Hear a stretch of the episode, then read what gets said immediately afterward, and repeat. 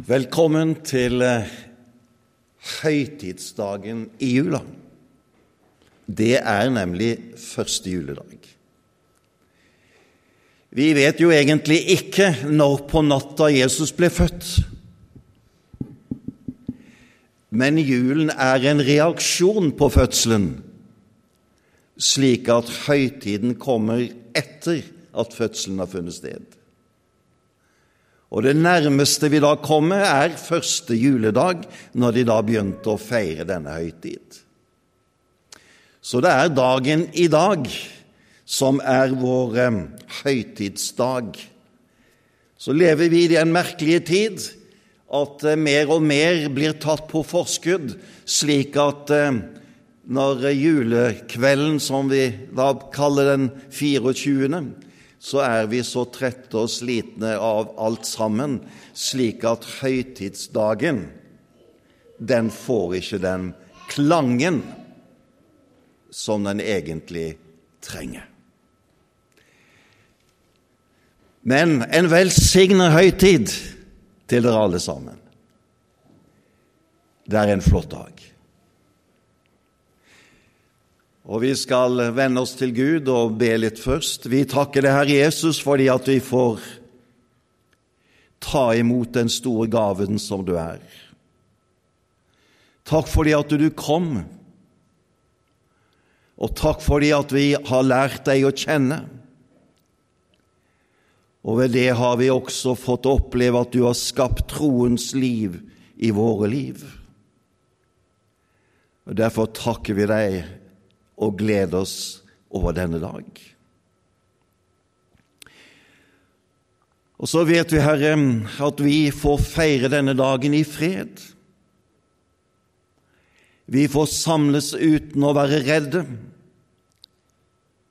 Og så vet vi at også denne dagen er det mange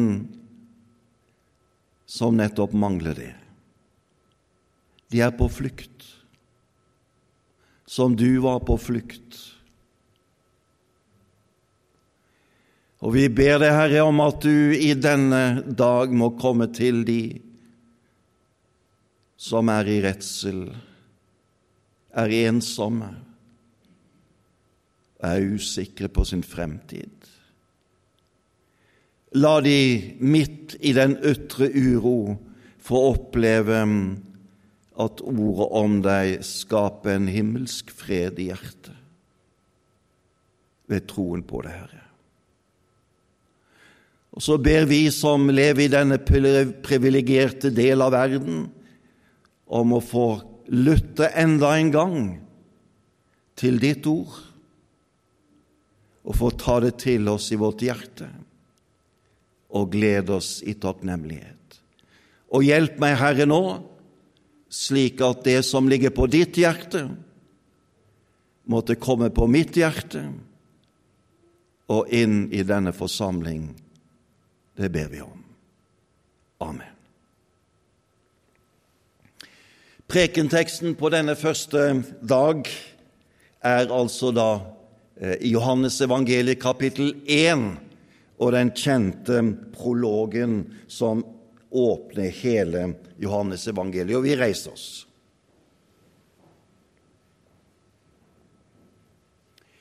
I begynnelsen var Ordet. Ordet var hos Gud, og ordet var Gud. Han var i begynnelsen hos Gud. Alt er blitt til ved ham. Uten ham er ikke noe blitt til. Det som ble til i ham, var liv, og livet var menneskenes lys. Lyset skinner i mørket, og mørket har ikke overvunnet det. Et menneske sto frem, utsendt av Gud. Navnet hans var Johannes. Han kom for å vitne. Han skulle vitne om lyset, så alle skulle komme til tro ved ham. Selv var han ikke lyset men han skulle vitne om lyset. Det sanne lys, Det som lyser for hvert menneske, er nå til verden, kommet nå til verden. Han var i verden, og verden er blitt til ved ham, men verden kjente ham ikke. Han kom til sitt eget, og hans egne tok ikke imot ham. Men alle som tok imot ham, dem gav han rett til å bli Guds barn.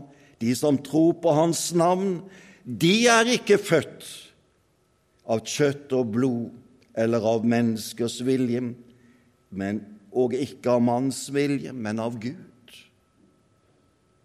Og ordet ble menneske og tok bolig iblant oss, og vi så Hans herlighet. En herlighet som den enbårne sønn har fra sin far, full av nåde og sannhet. Hellig oss i sannheten, ditt ord er sannhet. Amen. Vær så god.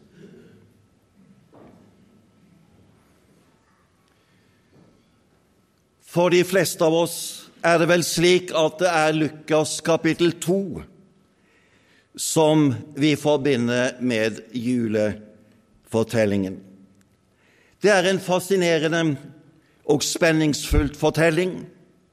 Det er lett å leve seg inn i den, og et barn kan kjenne på tanker og forestillinger, men også vi som voksne kan oppleve at fortellingen gir oss både ettertanke og refleksjon. Men det spesielle er ikke at det ble født et barn i en stall. Det var mange som ble født under slike vilkår også den gang. Det enestående i begivenheten blir først avslørt når himmelen åpner seg over gjeterne ute på marken, og et Guds sendebud, engelen, forteller om hva som skjer.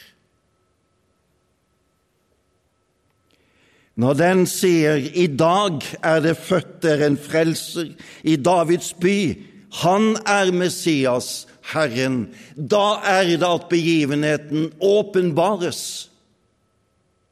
Uten den linjen ifra Gud til oss hadde hele begivenheten rullet inn i glemselens hav. Men fordi det har med Gud å gjøre,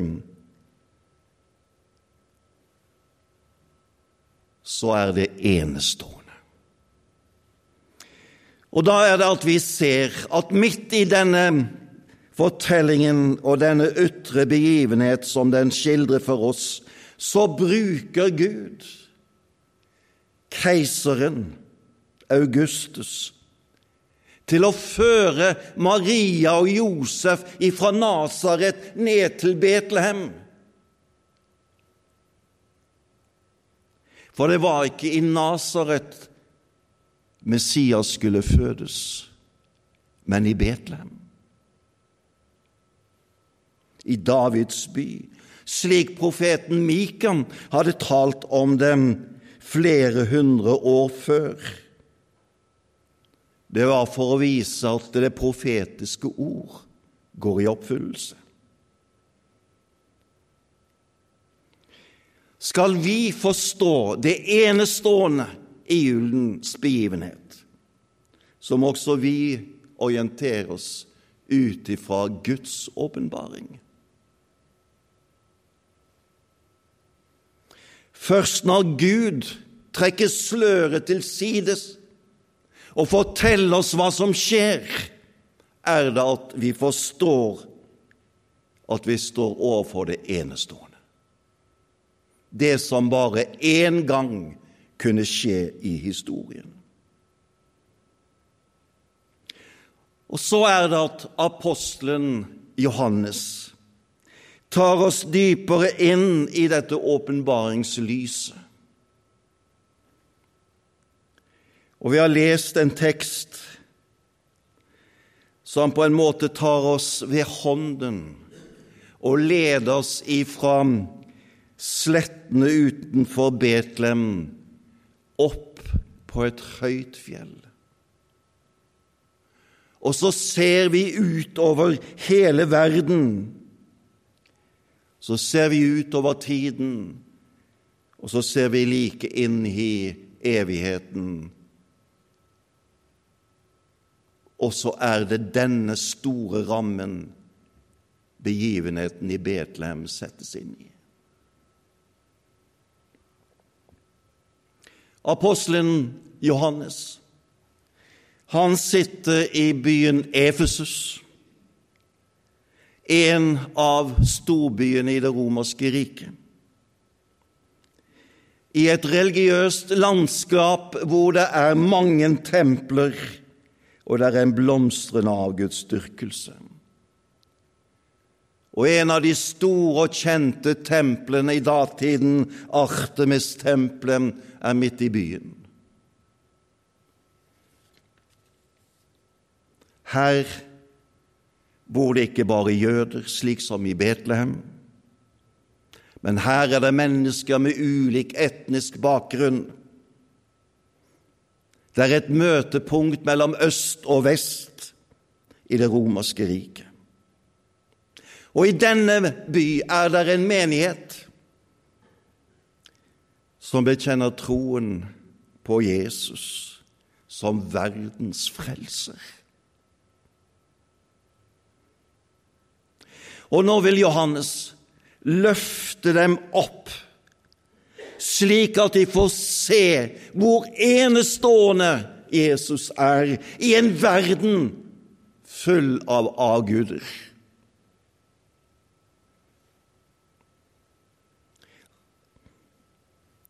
Selv om denne religiøsiteten kunne imponere, var det ingenting som kunne overstråle den begivenhet som fant sted i Betlehem da Jesus ble født. I troen ser de en sammenheng som ingen andre ser. Og i denne tro vil Johannes skape en frimodighet hos de som står der i hedenskapets ramme, til å forkynne Jesus i sin tid som Han som er verdens frelser til alle tider. I alle samfunn hvor det måtte være. Så flytter vi oss over til vår egen tid. Selv om det religiøse landskapet er ikke så omfattende og forskjelligartet som i Efesus på Johannes' tid, så lever vi også i en samfunnssammenheng og en kultursammenheng hvor det er så mange forskjellige utgaver av å tro.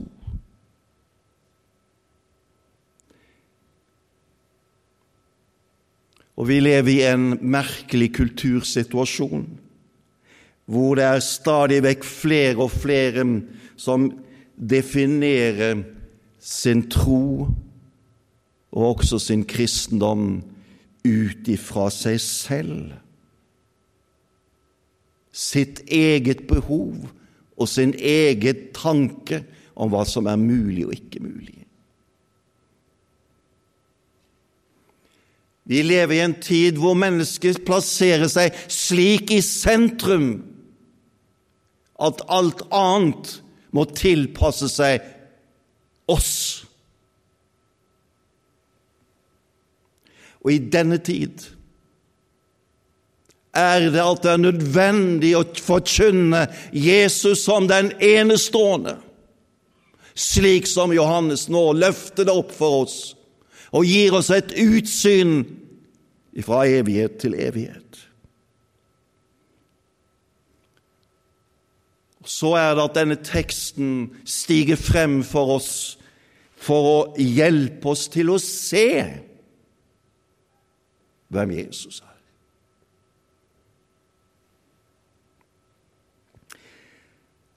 Og det første som jeg ser, det er Jesus som Guds enbårne sønn.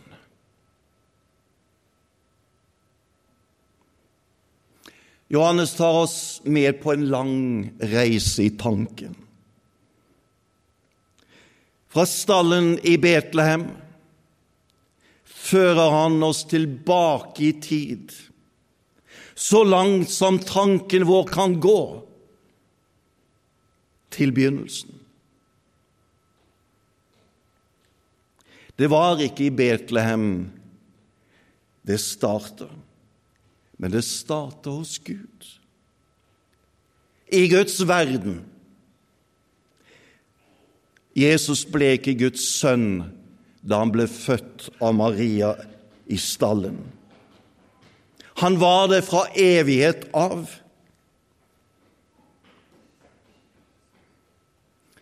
Og det er som om våre ord ikke makter å fange inn dette enestående. For våre ord springer ikke ut ifra den usynlige verden før alt det skapte ble til men våre ord springer ut ifra den verden som vi lever innenfor, innenfor skaperverkets rammer. Men så er det allikevel at det trekkes et slør til sides, og så bruker åpenbaringen ord som vi gjenkjenner, men som forteller om det enestående. Og når vi leser disse ordene i begynnelsen var Ord, og Ordet var hos Gud, så er det som om tanken vår sprenges. Det er forut for oss. Men det er der det begynner, i Guds plan og i Guds hjerte. Og så brukes ordene fra åpenbaringen til å fortelle oss noe om dette enestående, som var i begynnelsen, men som også, som da vers 14 sier, ordet ble menneske.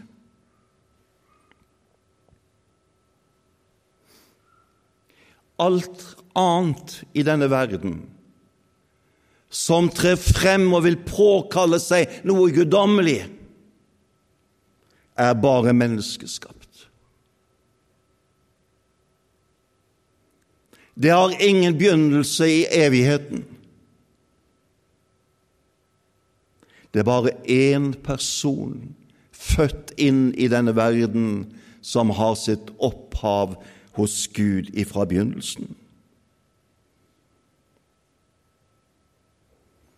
Og Derfor sier denne teksten 'Kom og se'.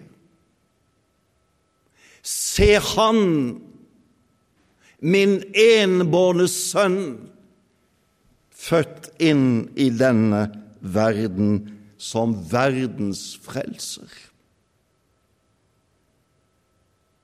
Kan han sammenlignes med noen andre?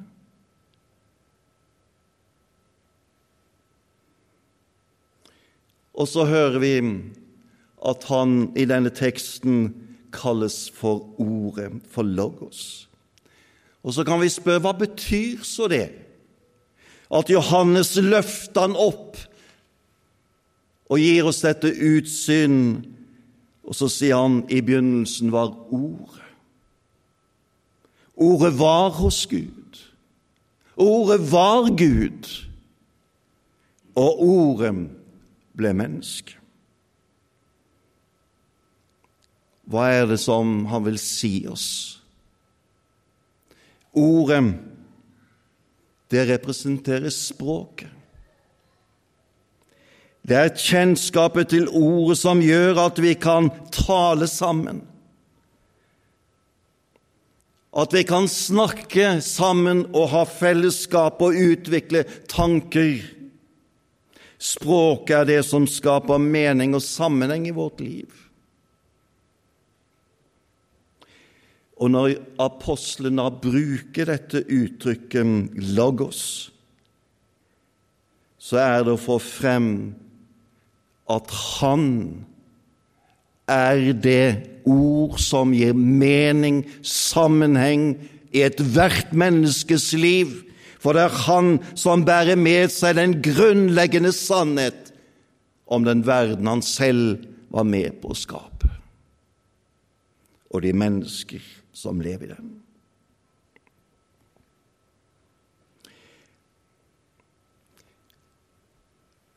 Gjennom Ordet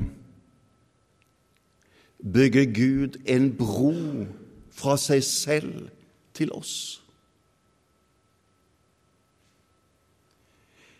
I syndefallet leser vi om hvordan menneskene ble kastet ut av paradis, og forbindelsen direkte med Gud var borte.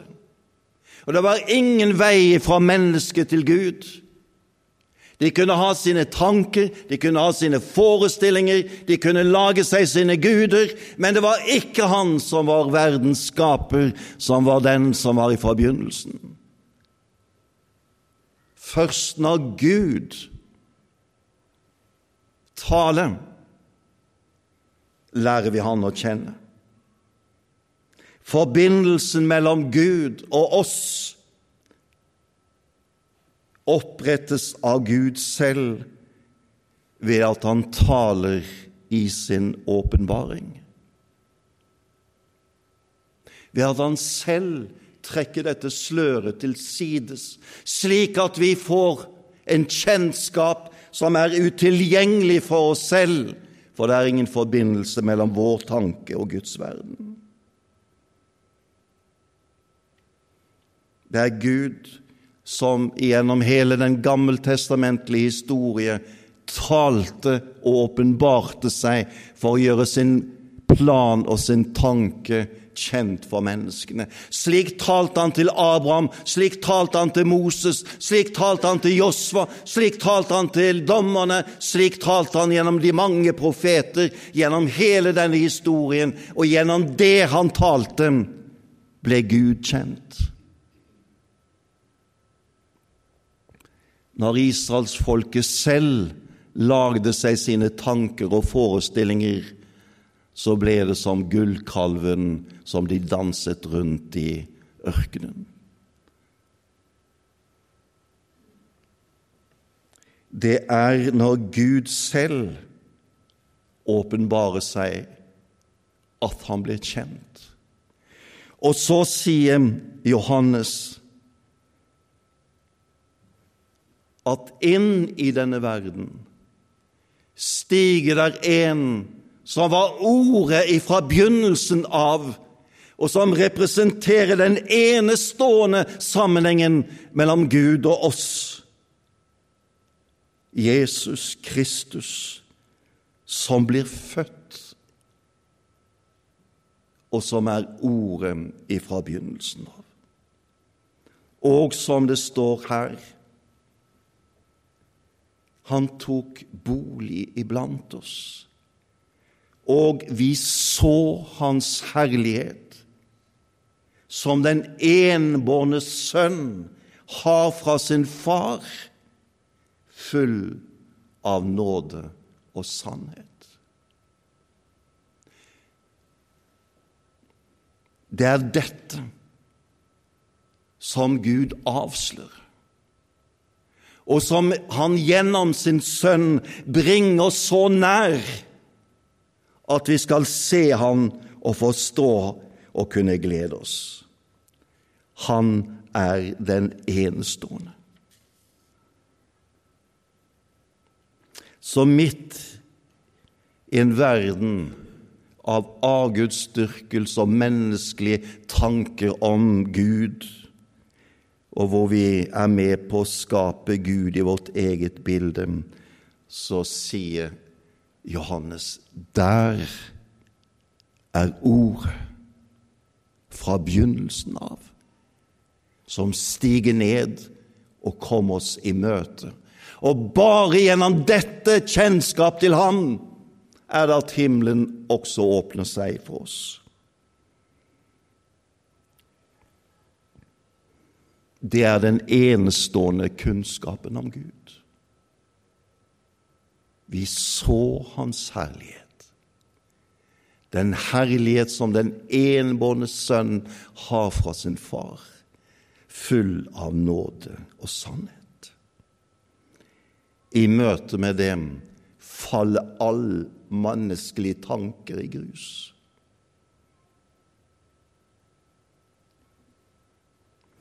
Og så er det en ting til ved dette ordet.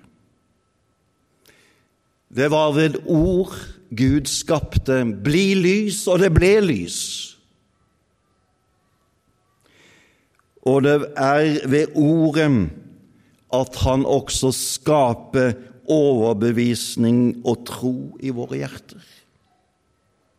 Ordet er et levende ord med den skapende dynamis i seg, og som gjør at den som hører ordet om Kristus, erfarer at det er Gud selv som kommer på denne ordets bro til oss og skape det den evner.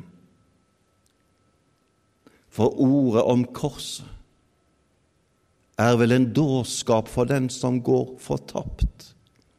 Men for oss som blir frelst, er det en Guds kraft.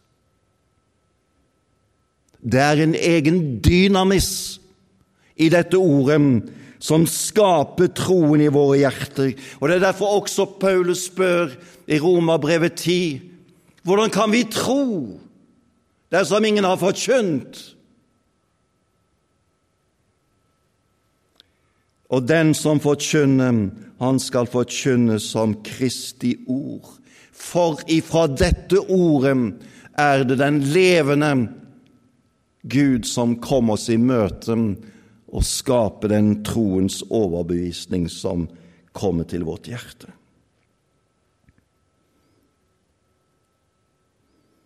Ordet fra begynnelsen, ordet som kom født i Betlehem, og ordet som kommer i dag, når forkynnelsen er Kristus sentrert og forankret. Og så vil jeg avslutte det med enda et, en metafor fra denne Johannes sin prolog.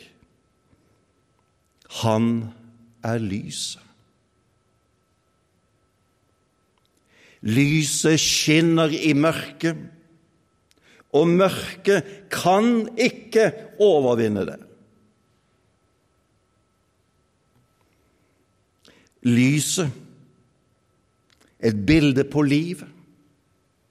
Vi kjenner det jo fra naturens verden at uten at det er lys, så vokser det ikke, så gror det ikke. Slik er det også i den åndelige verden. Uten at lyset får skinne, råder mørket.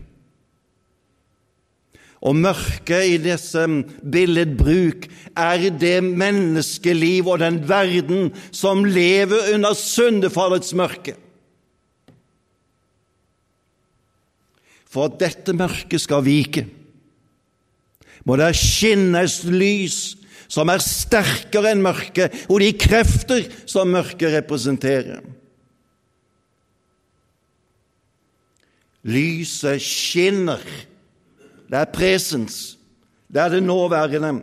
I mørket. Og mørket har ikke overvunnet det. Slik talte Johannes inn i den sammenheng han selv levde i Efesus. Slik taler ordet også i dag.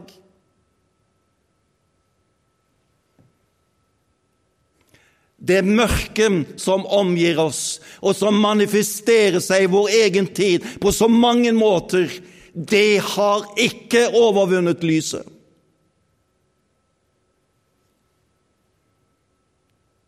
Det er lys som er det sterkeste. Det er lyset som er det livgivende. Det er lyset som kan skape åndelig lys i våre hjerter, slik at vi ser og får del i lysets seierskraft.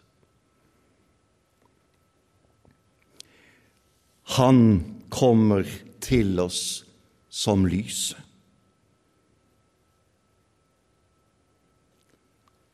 Og så opplevde han selv det sanne lys som lyser for vårt, hvert menneske kom nå til verden. Han var i verden, og verden er blitt til ved ham, men verden kjente ham ikke.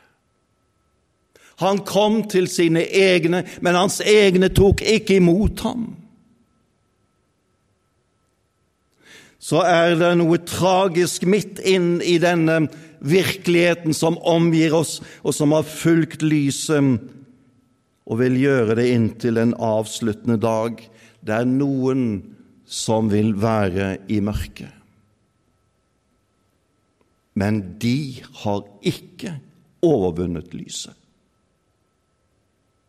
Lyset er alltid det sterkeste, og vi er satte, som Johannes var det, døperen, til å vitne om lyset. Det er lys som gir liv, og i dag vitner jeg om dette lyset. For at dette lyset skal skinne i våre hjerter, slik at det ord som åpenbarer Jesus Kristus, kan fange inn vår tanke og vårt liv i den tid vi lever i. Apostelen levde i sitt Efesus. Vi har vår omgivelser vi lever i. Men lys og mørke er de samme krefter som den gang, så i dag. Men lyset er sterkest. Derfor er det at vi vil vitne om lyset. Vi vil forkynne om lyset. Vi vil holde lyset frem i mørket for at en skal kunne se hvor enestående Jesus er. Han kom, og han kommer i dag.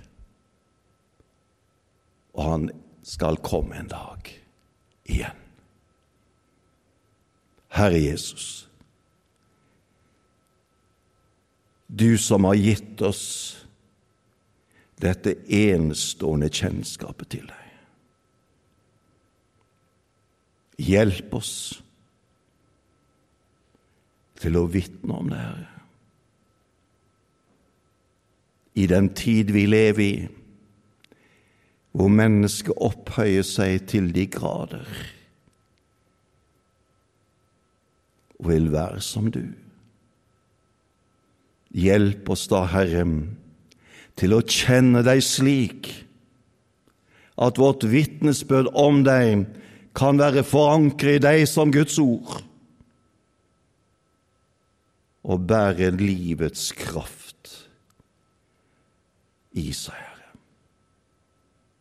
Amen.